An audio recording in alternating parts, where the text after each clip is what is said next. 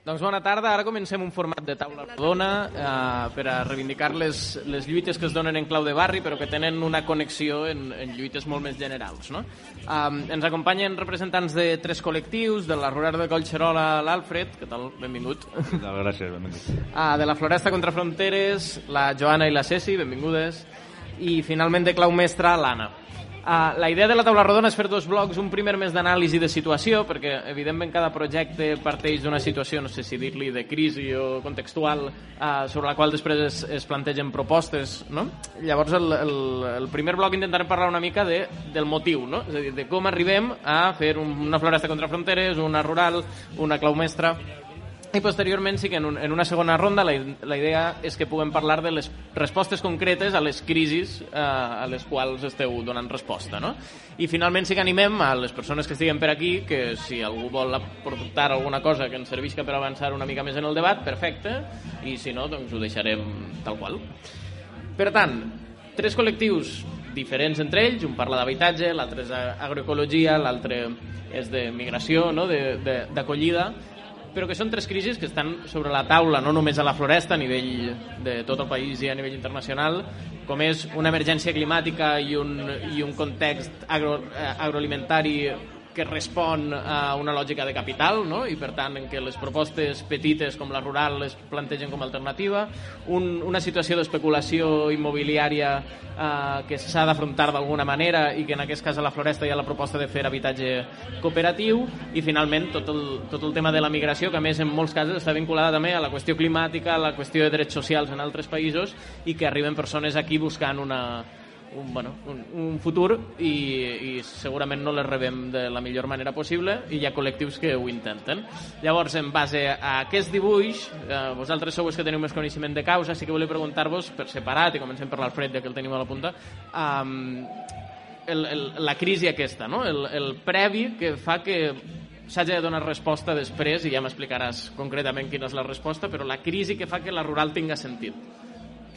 En el nostre cas eh, no vam partir d'una observació d'una mhm. situació de crisi, sinó que va ser més per, per passió i per mhm. ganes de ficar-nos a cultivar que hem començar i en el desenvolupament de la nostra activitat és que hem anat veient eh, la crisi en la que estem situats i, i les dificultats que trobem els petits agricultors.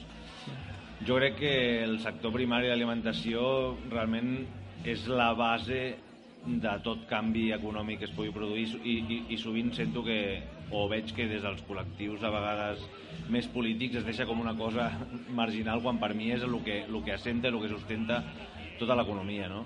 i el que té també més impacte en el nostre cas, el nostre sector té impacte des de nivell de contaminació, canvi climàtic, és a dir, és tant el culpable o un dels principals culpables al sector alimentari de, de la situació en la que estem, com també un dels principals eh, revulsius o una de les, de les potencialitats solucions. No? En el nostre cas fem agricultura de... Sense una mica Això és que s'acoplen una mica els micros, potser. Vale. Doncs deia que el, la petita agricultura de muntanya té la capacitat de, de tornar als ecosistemes més resilients, de defensar-nos dels incendis en un context de canvi climàtic on, on cada cop els boscos som més, més sensibles als incendis i tenen més perill perquè les persones estem començant a viure doncs, al mig del bosc, com, com és la Floresta, que era un, un espai petit amb poques vivendes, diguéssim, que ha anat creixent i ara la gent viu al mig del bosc, el qual és un risc molt més alt per les persones i un risc molt més alt per l'ecosistema perquè si hi ha un incendi els bombers han d'estar defensant les cases i el foc correrà, no? Pues en aquest sentit el, la pagesia té un paper molt rellevant, també en el sentit de, de l'alimentació, una, una alimentació de proximitat eh, que, és més, eh, que és menys contaminant, i d'altra banda, nosaltres no només som, o per nosaltres no és només important la part agrícola, sinó que és l'economia social, que és el canvi de paradigma realment passa per no veure les coses aïlladament, perquè tu pots fer agricultura ecològica, pràcticament pot ser un eslògan de cara a vendre amb uns preus més elevats, que és una que ha passat amb molt, molts, moltes explotacions agràries que han fet el canvi, bé per vendre més, bé per exportar a Alemanya, etc. però totes les implicacions que té tenir una empresa, doncs, des d'on tens contractes els serveis financers, eh, telefònics o qualsevol tipus de servei, el materials que utilitzes, l'energia, si és renovable o no, tot això forma part de l'economia social i és com l'altra la, pota important del nostre projecte. No? Mm. També és cert que a nivell eh, de sistema alimentari el que ens trobem és que molt, molts dels aliments que mengem són d'importació, que hi ha una varietat baixa quan mires, per exemple, ingredients de molts productes que pots trobar en el súper, no? Uh, I aquestes respostes locals també estan permetent recuperar algunes varietats pròpies uh, i no, no caure en la lògica Monsanto o d'acaparament de, de terres i de comprar terres a futur, no? Sí, a més que el, el, la nostra alimentació s'ha vist molt menguada per, per eh, objectius econòmics. Al final, la gent diu, pensa, és que a la gent li agrada la verdura a l'estiu, li, li agrada la verdura a l'estiu perquè hem crescut molt allunyats de la verdura d'hivern simplement perquè no té la mateixa rendibilitat per metre quadrat, perquè és difícil transportar-la. Tu no pots portar una bleda d'Argentina perquè aquesta bleda té una caducitat molt alta. Llavors això s'ha anat traient dels supermercats des dels anys 60 sobretot perquè, a més a més, Espanya ha sigut un productor que s'ha dedicat a l'exportació i aquí s'ha quedat només el que ha entrat amb la lògica de supermercats, una esvergínia, un tomàquet eh, collit verd, són tots productes que sí que aguanten molt, que, que, que els pots apilar i ficar un tràiler i, i moure'ls amunt i avall, i és per això que s'han que se'ns han estat promocionant aquests aliments i l'alimentació de la gent, el coneixement s'ha diguéssim s'ha perdut. A nosaltres la gent gran és la gent que ve, la, la gent ja d'una edat de 70 anys, per exemple, 80, venen i, i, i bavegen per una col o una bleda bona, no? Els encanta. És la gent jove els, els que hem perdut això una mica, no? Mm -hmm. I una última cosa, i ara canviem de, a una altra de les lluites. Uh, comentaves que um, l'aposta per l'agroecologia, per la sostenibilitat, en alguns casos ha sigut per a elititzar el producte, de certa manera, no? I ara ens trobem o productes ecològics que es venen molt cars perquè se suposa que és més selecte, o supermercats en què sembla que tot és ecològic.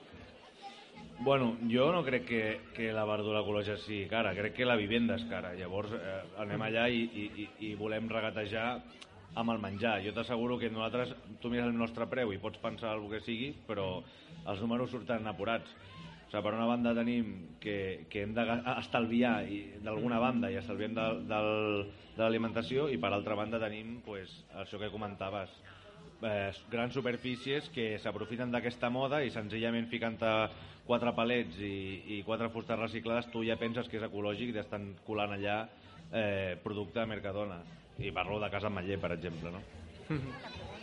endavant eh, a mi, a mi em va flipar fa temps ja que les agroindústries com Monsanto el que fan a part de a part de bueno, lo que fan és que les semilles transgèniques lo, lo que fan és que tu, el, els agricultors tinguin que comprar semilles en comptes de lo que feien abans tradicionalment, que és eh, utilitzar les, semilles, les semilles que tenien que tenien per la, la sembra de, posterior, no? I que això està, està passant a nivell global i que si aquí alguna alguna iniciativa de banco de semilles o coses d'aquestes amb semilles d'aquí, perquè el que diu ell de, de la poca varietat també té que veure amb la poca varietat, per exemple, la, les pomes, per exemple. O sigui, de pomes ara, ara hi ha eh, unes, les pomes golden, les no sé què, no sé quant, i la immensa varietat de pomes que hi havia abans a Europa ja no n'hi ha. O sigui, s'han transformat en, en molt poques varietats que normalment deuen ser transgèniques, penso jo, o,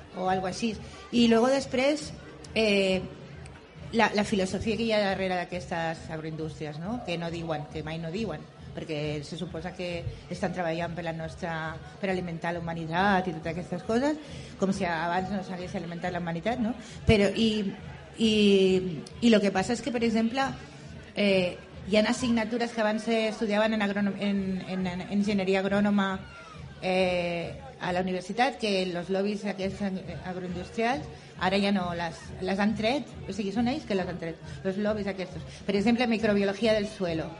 Microbiologia del suelo era una assignatura que abans s'estudiava i, i fa uns anys la van treure, no sé si l'han tornat a posar, perquè clar, és una cosa tan, tan bàsica, però que l'havien aconseguit, havien aconseguit treure-la. O sigui, tenen una força aquests lobbies, que, aquestes agroindústries que, que fan molt, molt, a mi em fa molta por, fan tanta por com a les farmacèutiques, fan molta por. I si després s'alien les dos, no? Bayern Monsanto ja s'acaba... Ens caguem ja a sobre. Bueno, més que res que tot el, per exemple, la PAC, la política agrària comú, pues, finança que el cultiu de la remolatxa, per exemple, sigui baratíssim perquè hi hagi un sucre barat per Nestlé per poder competir als mercats globals. Sí, sí. És una altra, és una altra lliga, eh? nosaltres no ens cal entrar allà. Bueno. No, no. a, a nivell de llavors, i segurament tu em pots informar més del tema, um, sí que ha hagut alguna experiència en Collserola, per exemple, la més coneguda és la del tomàquet mandó, no?, de recuperació. Però tinc entès que ara s'ha creat com un banc de llavors a Vallvidrera.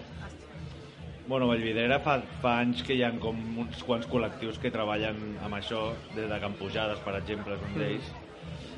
Amb agricultura professional ens costa molt això, o sigui, inclús el mandó ha costat molt introduir-lo perquè són pardes que, que, que produeixen menys i que no és tan fàcil. A vegades la gent es pensa que és tot un tema d'elecció i, i hi ha molt més. Vull dir, ficar, utilitzar varietats tradicionals és, és complicat amb agricultura professional. Canviem de tema, deies que la verdura no és tan cara com l'habitatge, evidentment, i efectivament l'habitatge és un dels grans problemes que tenim en general. Eh, Sant Cugat segurament és dels municipis on on més complicada està la situació, en una lògica més metropolitana, marcada també per pisos turístics que fa que la gent de Barcelona vagi cada vegada més cap a fora i s'han Cugat en un model concret, no? I enmig d'això apareix Clau Mestre, que ho parlàveu abans més a fons amb, amb el Merino, uh, explicant que de fet naix com una reivindicació veïnal. Vosaltres, el punt de partida, quan Clau Mestre, primer sis claus i després Clau Mestre, comença a pensar-se, Uh, quina situació d'habitatge vos trobeu a la Floresta per a dir el que cal és fer un model d'aquests, no? d'habitatge cooperatiu, de certa masoveria urbana, Vale, jo t'explicaré dades que ara podríem trobar uh, d'altres col·lectius que sí que tenen una part més vindicativa o que sí que analitzen més o fan més diagnosi. No? Mm -hmm. Nosaltres ara estem com molt centrades a la construcció i per tant també estem com molt ubicades en mm -hmm. aquesta fase del projecte. M'apropo una miqueta més. Però si ens anem a veure altres eh, col·lectius que sí que treballen entorn denunciar el diagnòstic de la situació de, de l'accés a l'habitatge, Um, el sindicat de llogateres, uh, arran de les dades que publica l'Observatori Sociològic Municipal, diu que el 20% de la població de Sant Cugat no pot, no pot arribar a pagar el preu d'habitatge, que el 33% eh, té problemes per arribar a fi de mes i que el 45% no té capacitat d'estalvi. No? Això ens porta, i això són dades del 21, diria, mm que evidentment eh, els efectes de la crisi de la gestió de la Covid també s'han de veure no? i això pues, ha, ha, empitjorat la situació.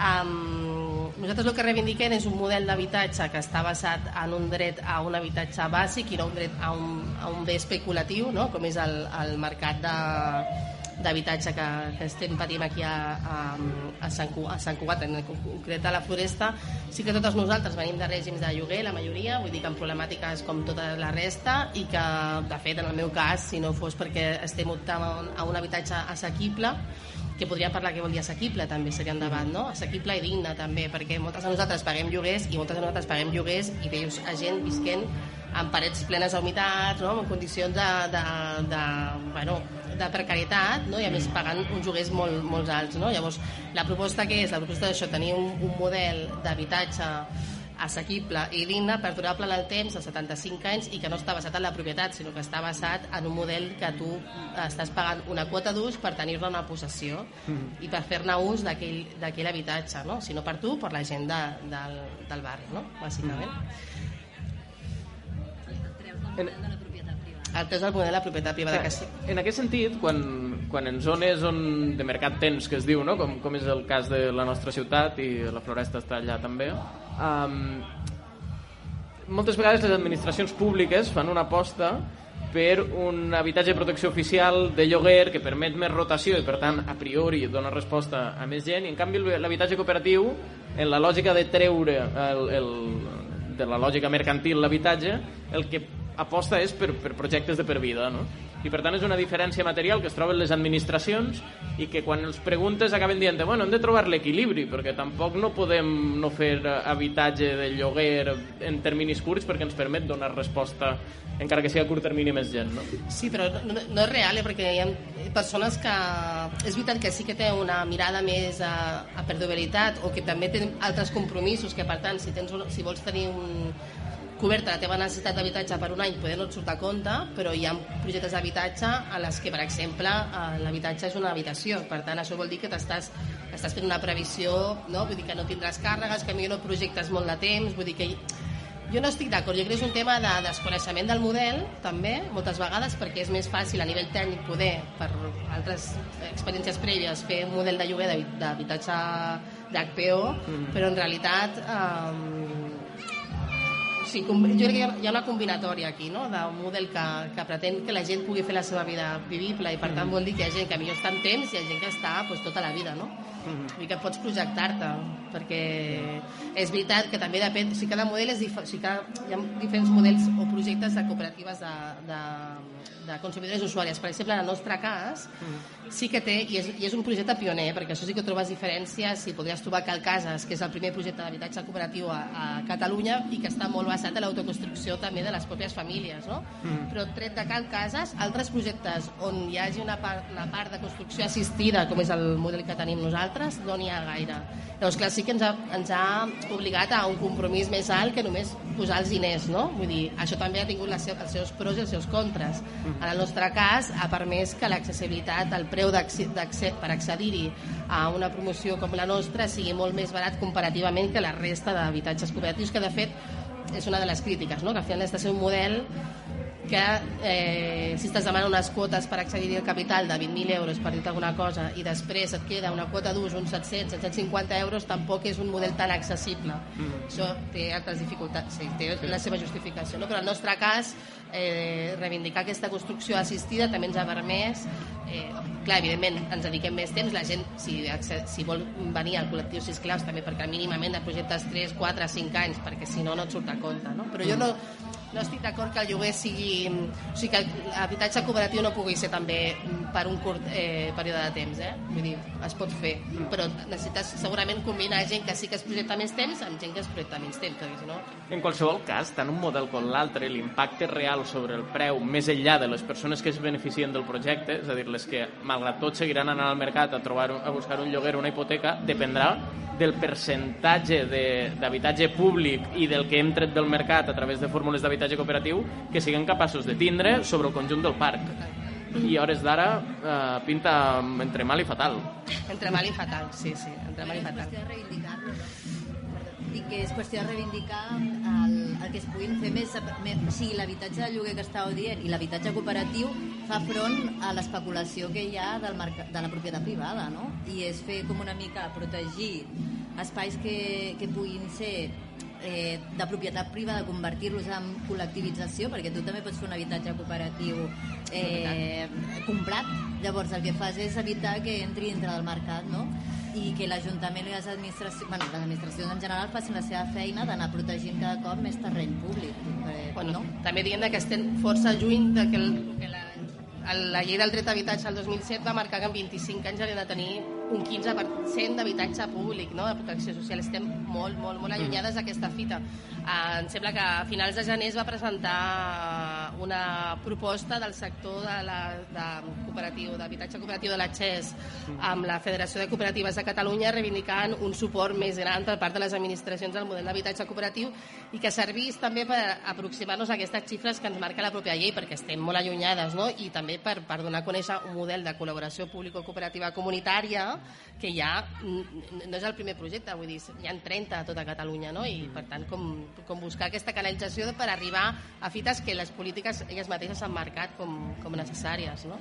I de fet, només, i ja tanquem i passem al següent bloc, ah, en, en el marc d'aquestes reivindicacions que fan entitats que treballen en l'àmbit, hi ha una molt interessant de la XES que va fer encara abans que aquesta última que deies, que es deia algo com fem créixer l'habitatge cooperatiu o una cosa així, en el que apuntava no només la dificultat de la implicació de les administracions públiques, sinó la dificultat de fer projectes en sol privat, perquè el sol privat és tan car que si no hi ha alguna via de finançament, alguna forma de tindre facilitats per a comprar, serà impossible i aquell sol seguirà ser, servint al, al mercat immobiliari de lògica especulativa. Totalment.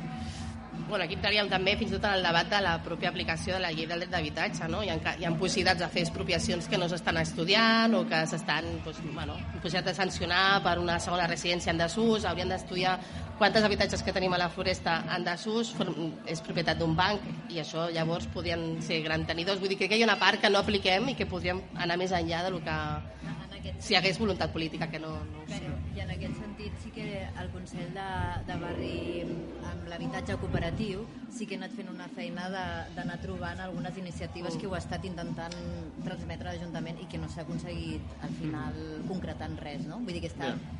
Que sí que hi ha una part de poca voluntat política. Clar. No? Bueno, que, que és bastant generalitzada pel que dieu, no és només ajuntaments sinó que totes les administracions és com que no entenen el model no sabem de què passa no? Però...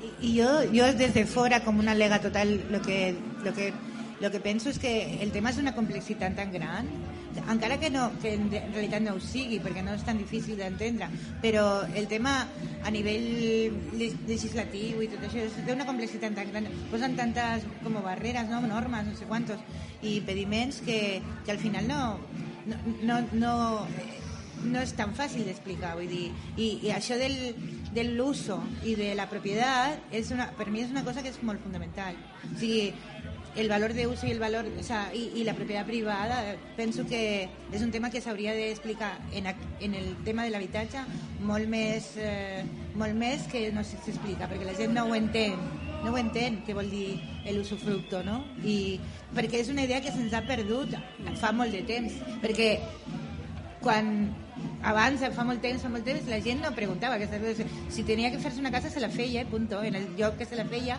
que normalment era un, un terreny del comú, no? i se la feien i ja està, i no hi havia cap problema, ni cap paper, ni cap res, i, i això ens ho han tret del, del cap, que, que es pugui fer, saps? Bueno, està clar que és un sistema que promou unes regles de mercat, no? Avui parlava amb el meu company i deia, més que si et fixes, el loco és el que t'alquila una casa barata. Per tant, vull dir, el sistema et porta a, a que sigui normal que s'estiguin demanant ara lloguers de 1.200 euros per, per, per, per habitatges que evidentment no són accessibles, però moltes vegades entres i dius, però si està ple d'humitats, les finestres no estan tancades, tal, vull dir que és una cosa que em preocupa bastant també, no? De, de, de, no només l'accessibilitat, jo insisteixo, sinó les condicions en les que després viuen les famílies, que sembla que t'estan fent un favor, no? Vull dir, és, és com... Mira, El, jo espera, crec que que... l'Alfred volia dir alguna cosa? Bueno, bueno, jo volia aportar que nosaltres, la, la, la Rural, també som, som una cooperativa integral ara mateix perquè també hem accedit a una finca de concurs públic amb un procés que es podria ser bastant semblant al de clau mestre i és l'impacte de l'habitatge, per exemple, en la pagesia, a part de que també tenim una dificultat d'accés a la terra per cultivar mm, molt bèstia. Eh, hi ha la, la, la Unió Europea, i ara ho hem vist amb la capitalitat de Barcelona de sostenible, no sé què, que es va promovent, que agricultura periurbana i tal, però és que eh, tota la vida no s'ha viscut el pagès a la seva finca, a la seva masia, i no pots desenvolupar una, una activitat pagesa a Collserola, per exemple, amb un model de gentrificació on cada cop t'has d'anar a viure més lluny per poder pagar amb una renta agrària, amb una, amb una renta pagesa, eh, accedir a un pis a Sant Cugat, per exemple, és impossible. I tu no pots ser pagès, que potser has d'anar el diumenge a regar o a treure les cabres vivint a, a Terrassa o, o més lluny, no? I en el nostre cas, doncs, bueno, ho hem pogut solucionar eh, accedint a la finca de Can Ferriol, on ho estem solucionant perquè és veritat que la complexitat que té el model aquest acabes eh, t'acabes ficant en un, en un merder que quan estàs a mig procés, més d'un estic segur, perquè a mi m'ha passat, a més jo estava clau mestre abans, sí. més d'un mm, diu, jo, jo em baixo del carro, perquè sí que acabaré pagant 200 euros menys i sí que tindré una estabilitat, però és, és molt desgastant, són processos llarguíssims. Jo vaig estar clau mestre al principi, ja no sé quants anys fa, perquè he perdut la compta, 2014 va començar l'ocupació i el projecte el següent, el 15. Doncs mira, i, i nosaltres vam presentar el concurs de Can Ferriol, els de la Rural, 2019, Mm. i a 2022 estem a punt de començar obres i han sigut 3 anys de paperassa i, i mogudes amunt i avall. Ja. Sí, Clar, això jo crec que té a veure amb la... O sigui que no, ells tenen una complexitat més gran perquè són una cooperativa integral i això, quan arriba a registre cooperativa ja flipen, no? Però dic que és, és la part del desconeixement que et deia, no? A nivell polític, a nivell administratiu, de, de, de, de promocionar aquest mo- altre model de tinença d'habitatges perquè, perquè és desconegut i et porta molt més problemes de...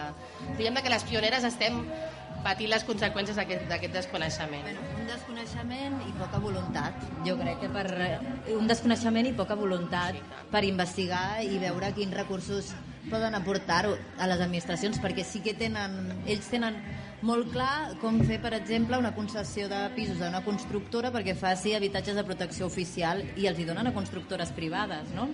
Però a l'hora de cedir-ho a, a cooperatives, això comencen a buscar tots els mecanismes pels quals no sigui fàcil fer-ho, no?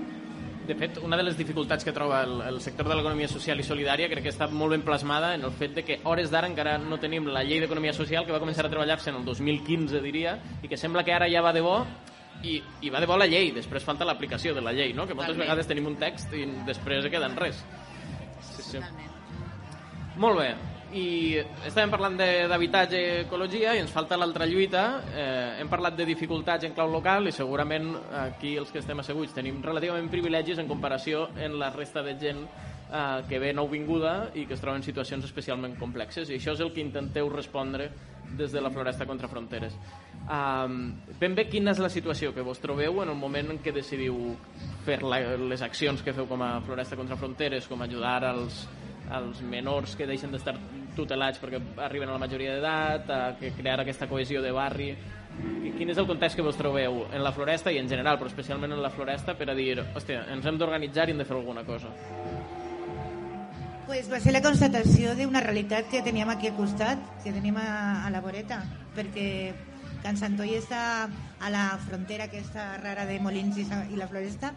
I, i bueno, i hi havia una, un amic que estava treballant allà eh, i que ens va dir, oye, cono- conozco un chico que lo van a echar este mes y que me lo llevo a, a una casa ocupa però que està más colgado con jamón i, i, i, i llavors jo vull dir eh, repetir una mica el que ha dit la Vicky que nosaltres no ens adonem a parlant de privilegis del privilegi que és tindre papers o sigui, del, privilegi que és eh, mm, poder-te moure per tot arreu, trobar feina amb un paperet que, te, que et diu que tu ets, ets qui ets, que és, ets d'aquí i tal i qual. I ells no ho tenen, això, i, i això els impedeix tot.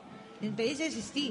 O sigui, no, no existeixen. I llavors, quan, quan te trobes, perquè ah, sí que existeixen, y te trobes amb ells, pues dius, ostras, que este es como mi nieto, ¿no? Este es como mi, como mi hijo, como, mi, como mi- alguien que conozco, ¿no? Y Bueno, com alguien que conozco, però que a més porta una motxilla darrere Exacte. que el que conoces no la Cuando porta. te comencen a explicar, bueno, ja flipes, no? Però és, és això, és tro- trobar-t'ho, no? Trobar-t'ho de cara.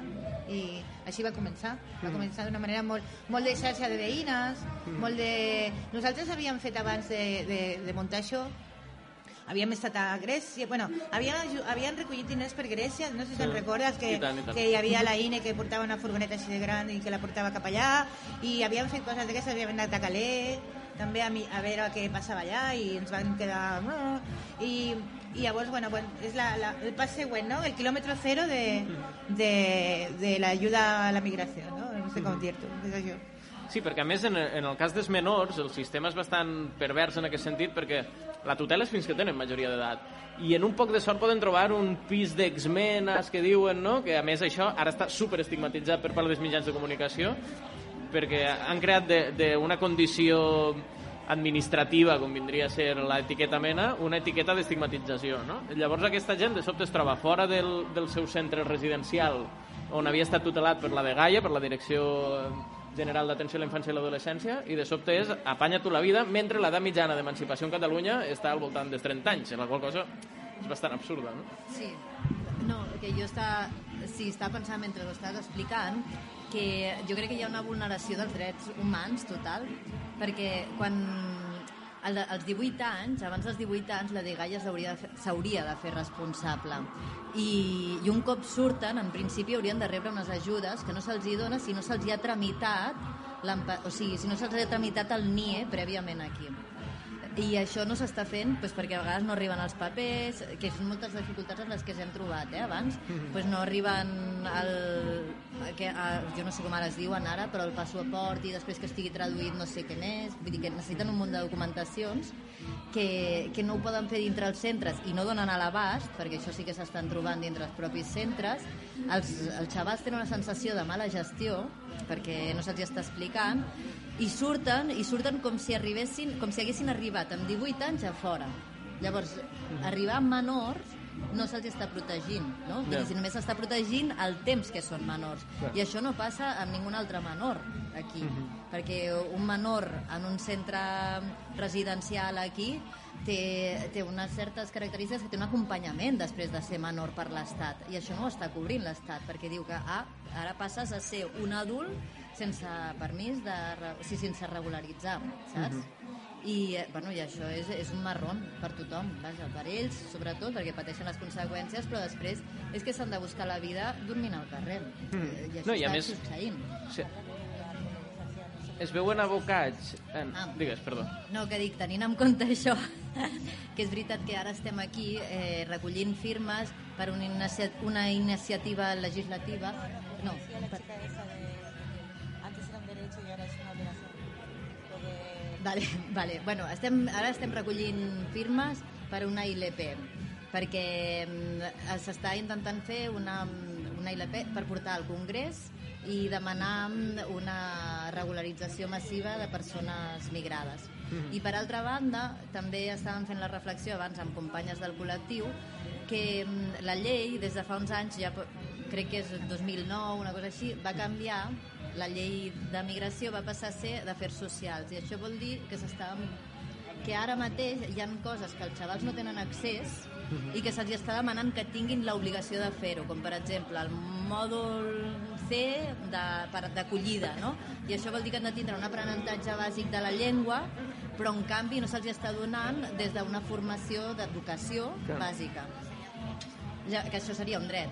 No? La, llavors, la pròpia llei té aquesta trampa que és com se'ls està demanant unes obligacions per ser ciutadans, però no se'ls està donant el dret perquè ho puguin ser. Bueno, En aquest cas, sí, veig que la gent està una mica així, però si voleu firmar, allà veiem com ho celebraven, allà en el raconet aquell de la celebració. allà podeu firmar per aquesta ILP. Um, deies que en, en moltes ocasions es troben abocats a viure en el carrer i a més això es dona en un context de creixement de l'extrema dreta del seu discurs i de legitimació de la violència co contra aquestes persones. Per tant, és especialment perillosa la situació a què s'aboca a xavals de mm, 19 anys, no? O 18 acabes de complir.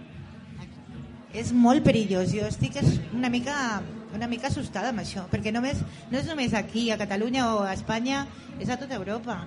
Si tu analitzes els discursos de l'extrema dreta a Europa, de la dreta a Europa, no de l'extrema dreta tampoc, eh? cada vegada són més racistes. O sigui, a França hi ha un discurs que es diu eh, le grand remplacement, el gran reemplazamiento, que diu que els francesos musulmans reemplaçaran en les següents generacions als francesos de, de, De base de tota cristiana, la vida, no? sí, exacte. Té, té a veure amb la religió. I que els reemplaçaran i que ja França serà musulmana i que serà no sé què, serà un desastre perquè els francesos no tindran no sé què. Això ho plantegen en, una, en, una, en un codi de por de, de, de, com abans era la invasió la invasió dels immigrants a Europa era una invasió, o sigui, la, la, la elegien com una invasió i això no té res a veure amb la realitat, res a veure o sigui que, no sé, a mi em fa por això, em fa molta por. Perquè a més això eh, los que tindrien que contestar-ho que són les institucions no acaben de fer. No, és com si ho acceptessin això, aquest discurs. Xenòfob, a mi em fa molta por. Això. Alfred, digues. bueno, jo referent al, als estigmes i des de la nostra part no, es donen unes circumstàncies com que sigui a Huelva o a Lleida tenen o es basa l'economia d'aquestes grans explotacions es basa en, en contractar personal amb condicions infrahumanes i amb sous irrisoris però per altra banda ens trobem nosaltres, els petits agricultors, que ens agradaria comptar amb aquestes persones, perquè si hi ha un reemplaçament, t'asseguro que no és per sou, perquè jo li pago el mateix a un d'aquí que a un de fora. El que passa és que la, a la gent que ve del Marroc i d'Àfrica i de Llatinoamèrica doncs saben treballar al camp, a vegades saben més que tu inclús, i això t'ho pot dir diversos pagesos que ho hem parlat, que contracten algú i ho fan millor que ells mateixos perquè ho han fet des de petits, i no pots perquè no, no, no es poden regularitzar la situació, has d'assumir unes paperasses de vots que com a petit agricultor no, no t'ho pots permetre i, i una cosa que seria un canal d'integració molt, ob, molt obvi no es pot donar i, el, i es dona sobretot en la, en la zona que estem ara que és, que és poc agrària es dona que pagesos de, de Collse, i parlo de Collserola pagesa eh, la nostra, o sigui, dins, dins de Collserola pagesos desesperats de que no troben personal i trucant-se i rolant-se. Mira, et puc... conec un que ho treballa molt bé, però totalment en negre. Llavors, clar, no pots fer apostes fortes, sinó que l'has d'agafar mitges tranquis a hores, no? Hi ha com una... És una, una incoherència, no?, que s'està donant. Bueno, jo crec que és el racisme institucional que està, no? que està perpetuat aquí a la llei d'estrangeria, que és la que ha provocat totes aquestes discriminacions. No? Vull dir que... Hem fet un dibuix de tres situacions contextuals de... Podem dir-li crisi o no, però com a mínim per a preocupar-nos. Uh, i a les quals esteu intentant donar resposta i ara és que vos pregunto més concretament per les accions exactes que esteu fent cadascun dels col·lectius. Uh, comencem per la rural per fer la, la mateixa ronda. Les accions que esteu fent vosaltres al final és en contra de viento i marea, que es diu, no? Uh, fer una aposta de producció quilòmetre zero, de... Bueno, Bueno, i sobretot, per una banda és l'agricultura de muntanya, que senzillament és amb xifres a la taula molt, molt menys rentable que 5, mi- 5 quilòmetres aquí baix al riu. Llavors, estem apostant per una agricultura de, en- sense aquest coneixement al principi, com deia, perquè bueno, hem nascut aquí, perquè és el que coneixíem i per motivació i amor a la muntanya pues, vam començar aquí sense aquest coneixement, però ara ens donem compte no, que allà on més falta fem és allà on és molt menys rentable ser-hi. I fins ara doncs, hem estat molt sols, ens hem hagut de treballar tots nosaltres i, i, i, hem, i jo crec que hem, que hem transformat realment una, una porció important del territori. Penseu que la pagesia és un 0,6% de la població a Catalunya, 0,63 por ahí, i gestionem més d'un 30% del territori. Aquí a Collserola les xifres són molt més escandaloses, però bueno, jo estic content de- d'allà a Valldoreix on estem, del tallafoc que tenim de 500 metres lineals, o sigui, de, tra- de la feina que estan fent les nostres cabres a l'entorn, desbrossant i alliberant bosc, i de, la, i de les mm, pràcticament mil famílies al mes que, que alimentem entre botigues, mercats i, i, eh, i cistelles a domicili, no? El que passa és que estem molt sols a, a nivell d'administració i a la que tiren un petit cable es pengen la medalla i és bastant frustrant. Portem ja 8 anys i, i és una mica esgotador. Tirem, tirem d'amor i de cor, però en molts casos mm, conec molts projectes que punxen perquè és bastant insostenible.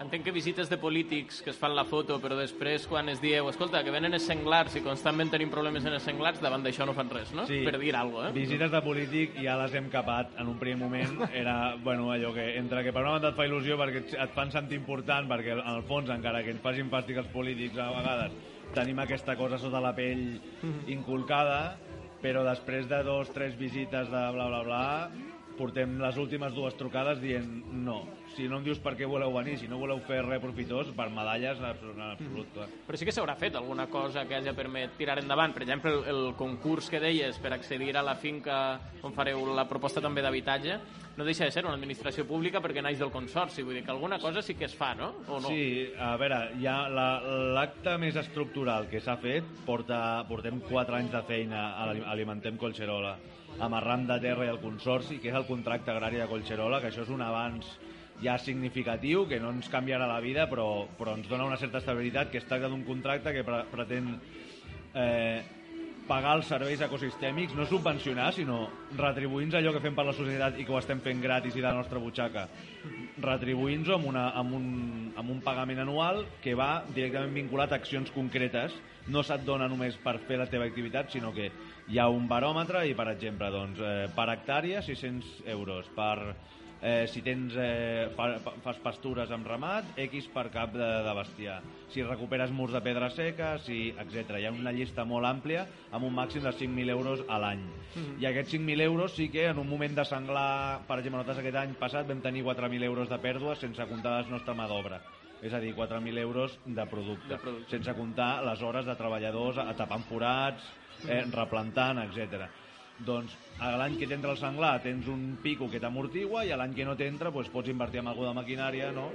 Eh, bueno, pot ser una cosa ja una mica estructural. I això està aplicant-se ja, el contracte. Això aquest any, aquest any és la prova pilot, que només, es, només seran 3.000 euros perquè hi ha una part fixa i una variable, diguéssim, i només fem la part eh, variable com a, com a prova pilot, que és la part que requereix pues, un seguiment i una, i una certificació de que s'estan fent les activitats, etc. I l'any següent, el, el 2023, es comença ja amb el definitiu. Molt bé, i en, en quant a habitatge, eh, la proposta ha estat fer habitatge cooperatiu a la Floresta, eh, en un acord amb l'Ajuntament i en Promusa, perquè no deixa de ser una promoció pública vinculada als criteris de- d'habitatge de, protecció oficial, i tot just ara ja esteu en obres, que va costar molt, però esteu en obres i, i a la tardor en un principi ja estareu vivint.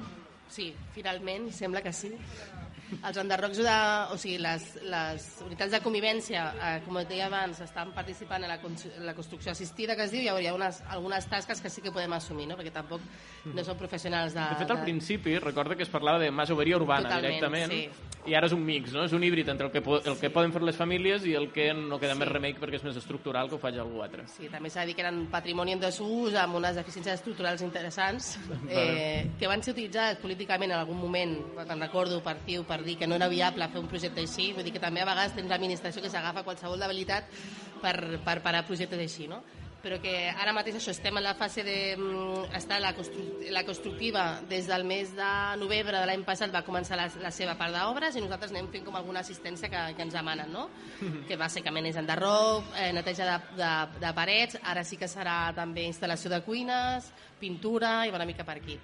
I parets Uh, i si tot va bé, a la tardor podem pues, incorporar-nos a, a la part de la convivència, que jo crec que aquí també entrem en una fase molt interessant del projecte. No? Fins ara, malauradament, hem hagut d'estar molt pensant pensant i donant-li voltes i veient tots els marejos de l'administració per veure la construcció de l'habitatge i jo per mi l'habitatge no només és l'habitatge, no? o sigui, l'habitatge és la porta d'entrada de molts altres drets socials, econòmics, eh, polítics, etc. No? L'habitatge és, és el dret a la- és la- a l'empadronar-te, pots accedir a la, a la salut, pots accedir a l'educació, no? moltes altres coses. Però a més a més és l'excusa per muntar una comunitat. I això què vol dir? Per mi, una de les fortaleses de tots aquests projectes de l'economia social i solidària és poder mancomunar necessitats que tenim totes i col·lectivitzar-les, no? En un format democràtic, d'autogestionari, sense ànim de lucre. Clar, nosaltres vam treballar la visió compartida del projecte i, i hem de, com d'acabar d'aterrar, no? O sigui, nosaltres volem ser un projecte feminista, volem ser un projecte ecosocial i sostenible, volem ser un projecte que també tingui una part d'entorn i per tant que hi hagi un treball amb la comunitat. I tot això ho podem començar a acabar de cosir quan ja podem anar a dormir-ne allà i on quedar sigui més orgànic, o sigui més fàcil i no tinguem tota l'energia a eh, autoconstrucció de decidir eh, criteris no, econòmics com entrem quan no. Vull dir, i aquesta fase jo crec que és una cosa que no, podem, no estem arribant però que també és la proposta no? per anar més enllà del que és no com dir-te, l'espai físic, no? Per exemple, en època de pandèmia, la Borda, cooperativa emblemàtica d'habitatge del model de sessió d'ús, Sí. va decidir ser dissidentment una unitat elles mateixes Ah. i viure en comunitat en comptes de cadascuna estar tancada no? a casa Ah. seva. Això va permetre mancomunar què feien amb els nens, m'entens? Vull dir, van fer una escoleta particular, vull dir, és com sobreviure... Sí, si la lògica de la, del capitalisme és la individualitat per sobreviure, no? La lògica de l'habitatge cooperatiu permet col·lectivitzar moltes altres coses. Ús compartit de vehicle, per què no? Eh, nosaltres, si ens fem grans allà, hi ha una de les tipologies del cooperativisme, és el cooperativisme sènior, les nostres cures, com ho podem fer o no, vull dir, serà l'excusa per mancomunar moltes altres necessitats, no? Vull dir que, que aquí és algo... De, de fet, el, les, ca les cases dels mestres eren sis cases. Sí. Quan es fa el projecte es diu doblem el número, però molt de doblar-lo es quedem en 11, però també preveure un espai comunitari que entenc que encara no ho ha acabat de definir, o sí? No ho sé. Bueno, és que l'espai comunitari també s'ha d'aprofitar. Són 37 metres quadrats dins de, la, del mateix edifici. Vull dir, és, és petit i hem de cada veure què podem fer, què necessita el barri, què podem oferir nosaltres també. però és aquesta mirada, no és en benefici de la gent que viureu allà, sinó és obert, obrir al barri aquell espai i poder fer projectes compartits. Eh, Sí, és buscar què podem fer.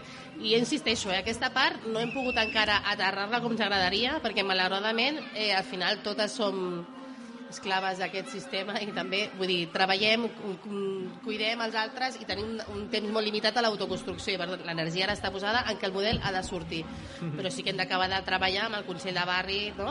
I Aquí la Joana... projecte, dic que amb el projecte estem molt enfocats a veure quin és el retorn social que hem de fer, perquè l'inclouen. O sigui, aquests projectes cooperatius ja inclouen de per si un retorn social i, i transformar una mica la mentalitat de cadascú viu a casa seva i només viu a casa seva, sinó vivim en un entorn, no? Com es transformarà, jo crec que és el que diu l'Anna, que l'estem intentant acabar... O sigui, que quan arribem allà, per, de forma orgànica ho anirem construint.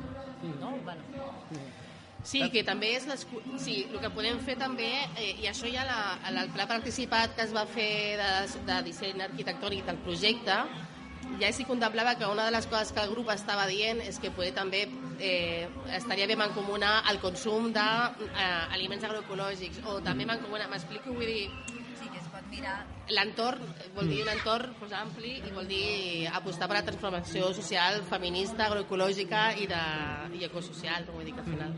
A vosaltres també heu tingut polítics fent-se fotos o com ha anat això? Vos passa com la rural? Polítics fent fotos, home, Sí, no? Bona cosa. I mira que heu tingut entre bancs bàsicament polítics en molts, sí, no? sí, sí. Clar, bueno, hem... Digues, no, no, perquè l'Alfred estava al principi. Jo, jo crec que el que hem... O sigui, el, quan el que van fer va ser fent-se fotos dient que s'havia acabat l'ocupació, no? Mm. Els polítics, sobretot del principi.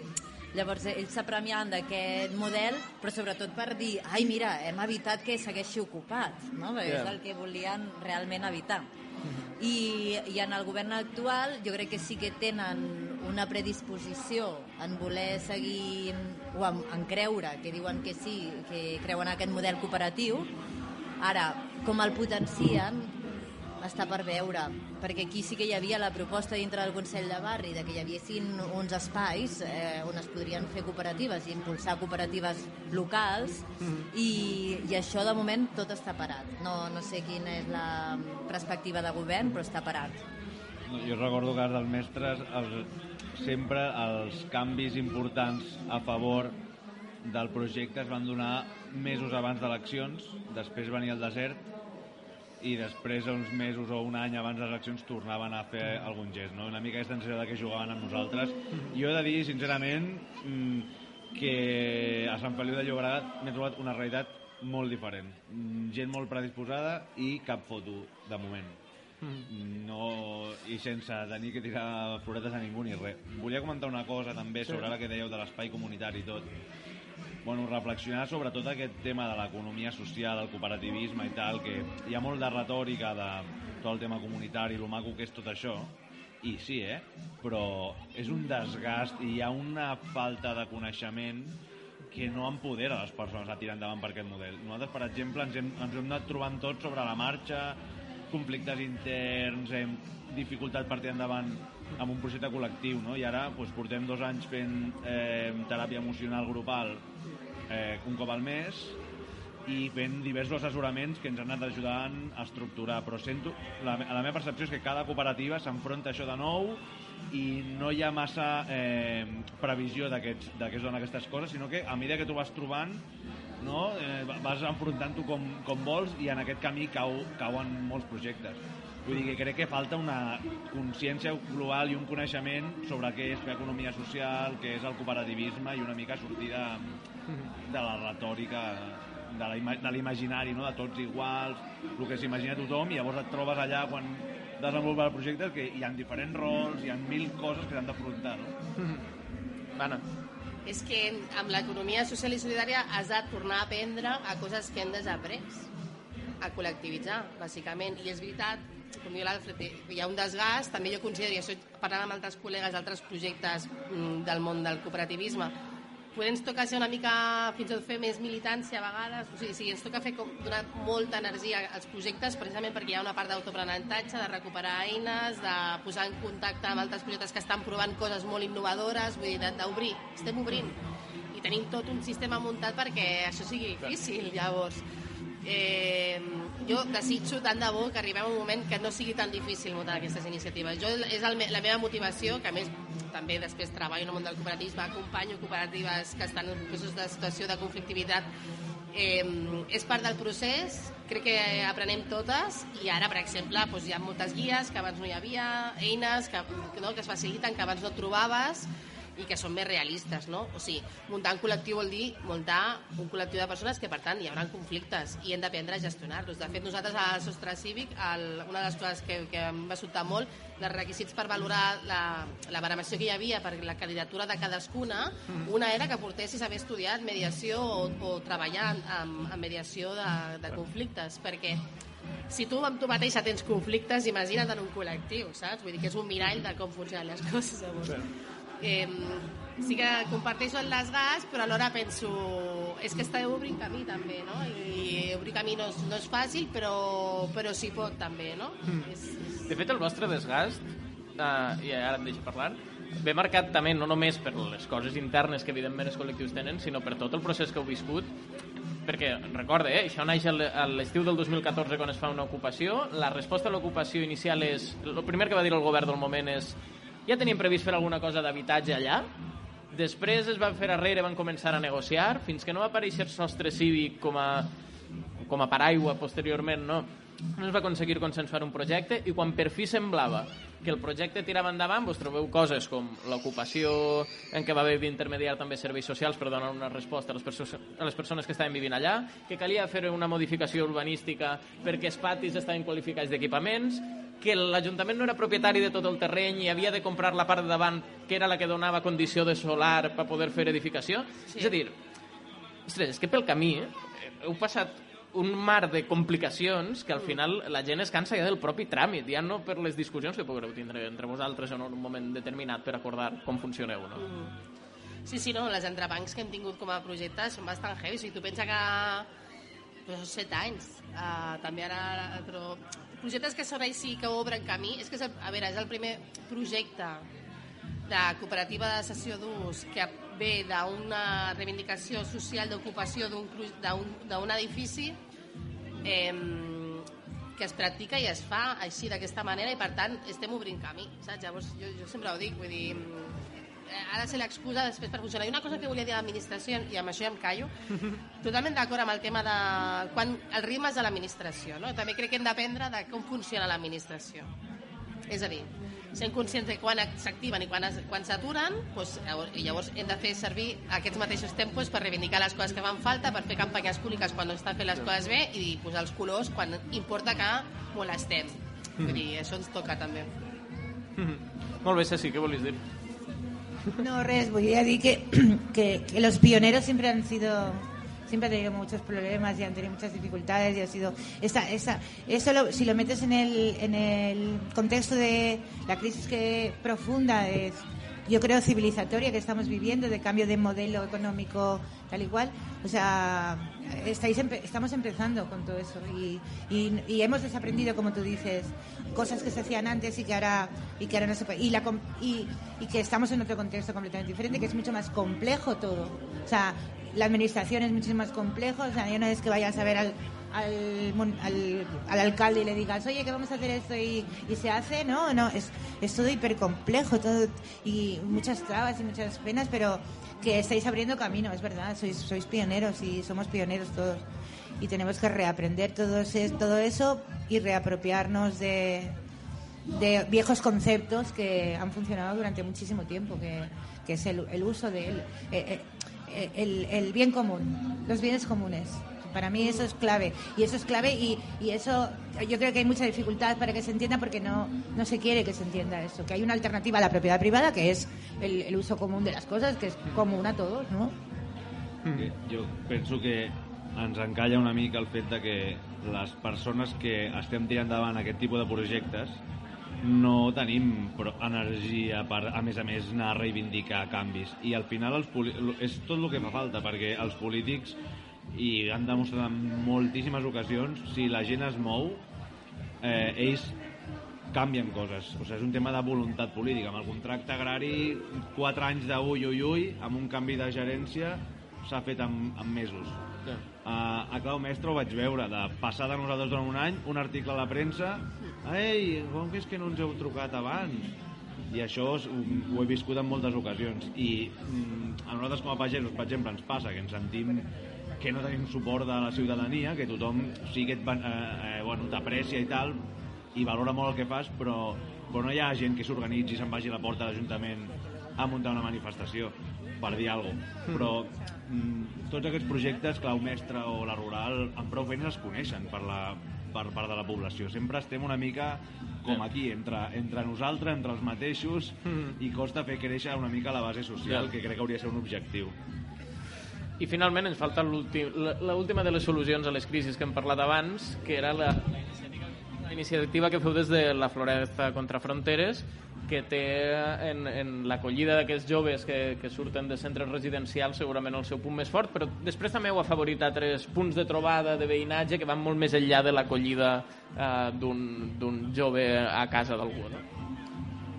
El, bueno, el col·lectiu neix realment de o sigui, la, la, la necessitat d'intentar posar un jove que tingui habitatge, però sobretot es comença amb les parelles lingüístiques. Si nosaltres fem com tres packs no, dintre del col·lectiu, la, les parelles lingüístiques que afavoreixen l'aprenentatge de llengües i l'intercanvi cultural i arraiguen la persona, no sé si està ben dit, no? arrelen la persona en el barri, perquè es fa l'intercanvi es fa en un lloc, s'acostuma a fer en un lloc públic, llavors és una forma de, de bueno, doncs mira, estic amb ell, ell ve d'aquí, no? li explico a les persones que ven a saludar-me i d'aquesta manera comencem a conèixer.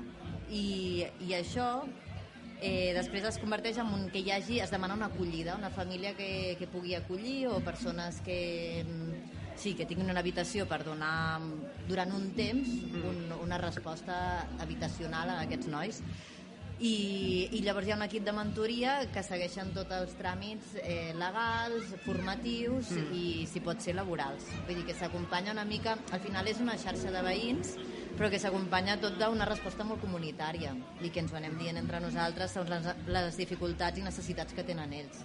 O sigui, les dificultats que ens trobem. Dificultats com quina?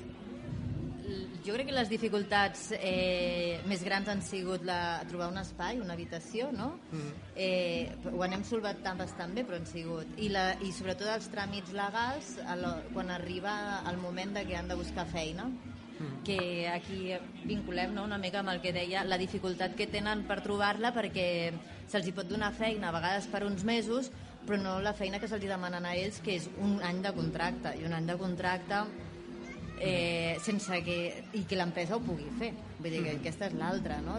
I, i ten, tenint un salari mínim interprofessional, o sigui, jornada completa. Llavors això ja comença a ser com, bueno, si, si que... Si no ho trobem eh, Exacte. en general... Que, que ja estem demanant, no? Més si tenim el racisme sí, aquest. Clar, Sí, sí. Mm. Molt bé. Ah, digues, Alfred. No, que a mi a sentir-vos m'in- m'indigna el pensar que val, valdria la pena comentar com, com delega l'Estat a les empreses que gestionen tot la, el tema social, no només dels menes, sinó doncs, el Raval amb, el te, amb temes de, de, de, de, gen- eh, gestió de conflictes, amb quins paràmetres i quines millonades deleguen empreses anant a concurs públic, a preu, on, no fan on, on es dediquen a gestionar-los gastant el mínim i sense fer cap mena de reflexió. A mi tot això que m'heu dit m'ha semblat brutal, lo de les parelles lingüístiques i tot, bueno, tot això que esteu fent, clar, és, és, és, un, és que aquí unes persones, unes veïnes amb cap recurs econòmic estan fent tant i com unes empreses amb, amb uns recursos econòmics brutals de l'Estat no estan fent absolutament res. No? És un tema que m'indigna. i que en comptes de, de, de, de donar aquests diners a ONGs o el que sigui o, perquè condeixen molt quan els dones eh, a nivell internacional també estan fent el mateix estan eh, delegant la seva responsabilitat com país, com, com estats i com a Unió Europea a fronteres externes. Què és això de l'externalització de les fronteres? Que és una paraula molt maca, però què vol dir? Que estan pagant Erdogan, per exemple, perquè no entrin els refugiats siris. Estan pagant al rei de Marruecos perquè retingui a tots els africans a, a la frontera de Marruecos. I, I així nosaltres ja no tenim cap problema. Els estan pagant unes morterades que és escandalós. I, i clar, quan diuen, bueno, pues, i, i a, el Frontex i totes aquestes coses que són aparat, institucions molt potents, són, són una puta vergonya, ho sento molt i, i, i m'indigno quan ho dic perquè, perquè estan matant gent. És que quan dèiem que el Mediterrani és un cementiri és que és així. I, i la frontera amb, amb, amb Turquia és el mateix. Mm. Bueno, la, la frontera amb Turquia, la frontera amb Polònia, la frontera... O sigui, ara, ara Celta. el- el- el- l'emigrat és una moneda de canvi, un chantatge. O sea, yo te, yo te envío aquí a la puerta, te envío unos cuantos y a ver qué haces con ellos. Y a ver si, si te los comes o no te los comes. O sigui, és, és vergonyós, escandalós, mm, fastigós i només ho poden sostenir perquè fan aquestes campanyes mm. asqueroses de racisme i venen a invadir-nos i venen a... O sigui, a, només ho poden sostenir amb mentides horribles. Horribles. És, és, és espantós, no? O sigui, i la, i la responsabilitat sí, se la treuen de sobre, pagant morterades. Aquestes morterades ens anirien superbé a dintre.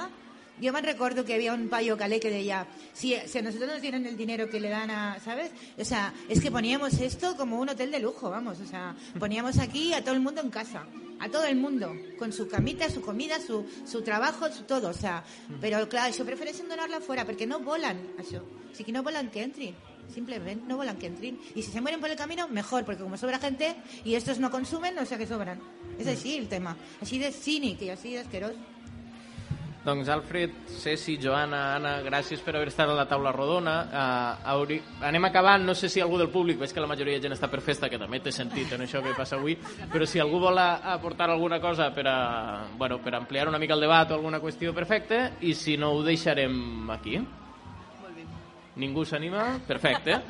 doncs moltes gràcies als quatre, gràcies també a la Florestina per, per una iniciativa com aquesta, a Ràdio Floresta, que porta tot el dia aquí fent emissió, i el Becho crec que s'ha fet un Jo et vull donar les gràcies a tu. Gràcies. Perquè tu també ets un servei públic de, un de la servei Floresta i de Sant Cugat, total. I gràcies també a l'organització, que això no ho he dit, per, per confiar en el Cugatenc com a projecte, que moltes de les coses que dèieu en ressonaven, perquè com a diari, en este cas associació, però assembleari, eh, ja ens trobem també aquestes eh, gestions i reunions eternes i coses d'aquestes, Uh, però crec que cadascú des del seu àmbit, en el seu gra de sorra i en el suport de la gent podem anar transformant i que siga mica a mica el món. Moltes gràcies. Gràcies.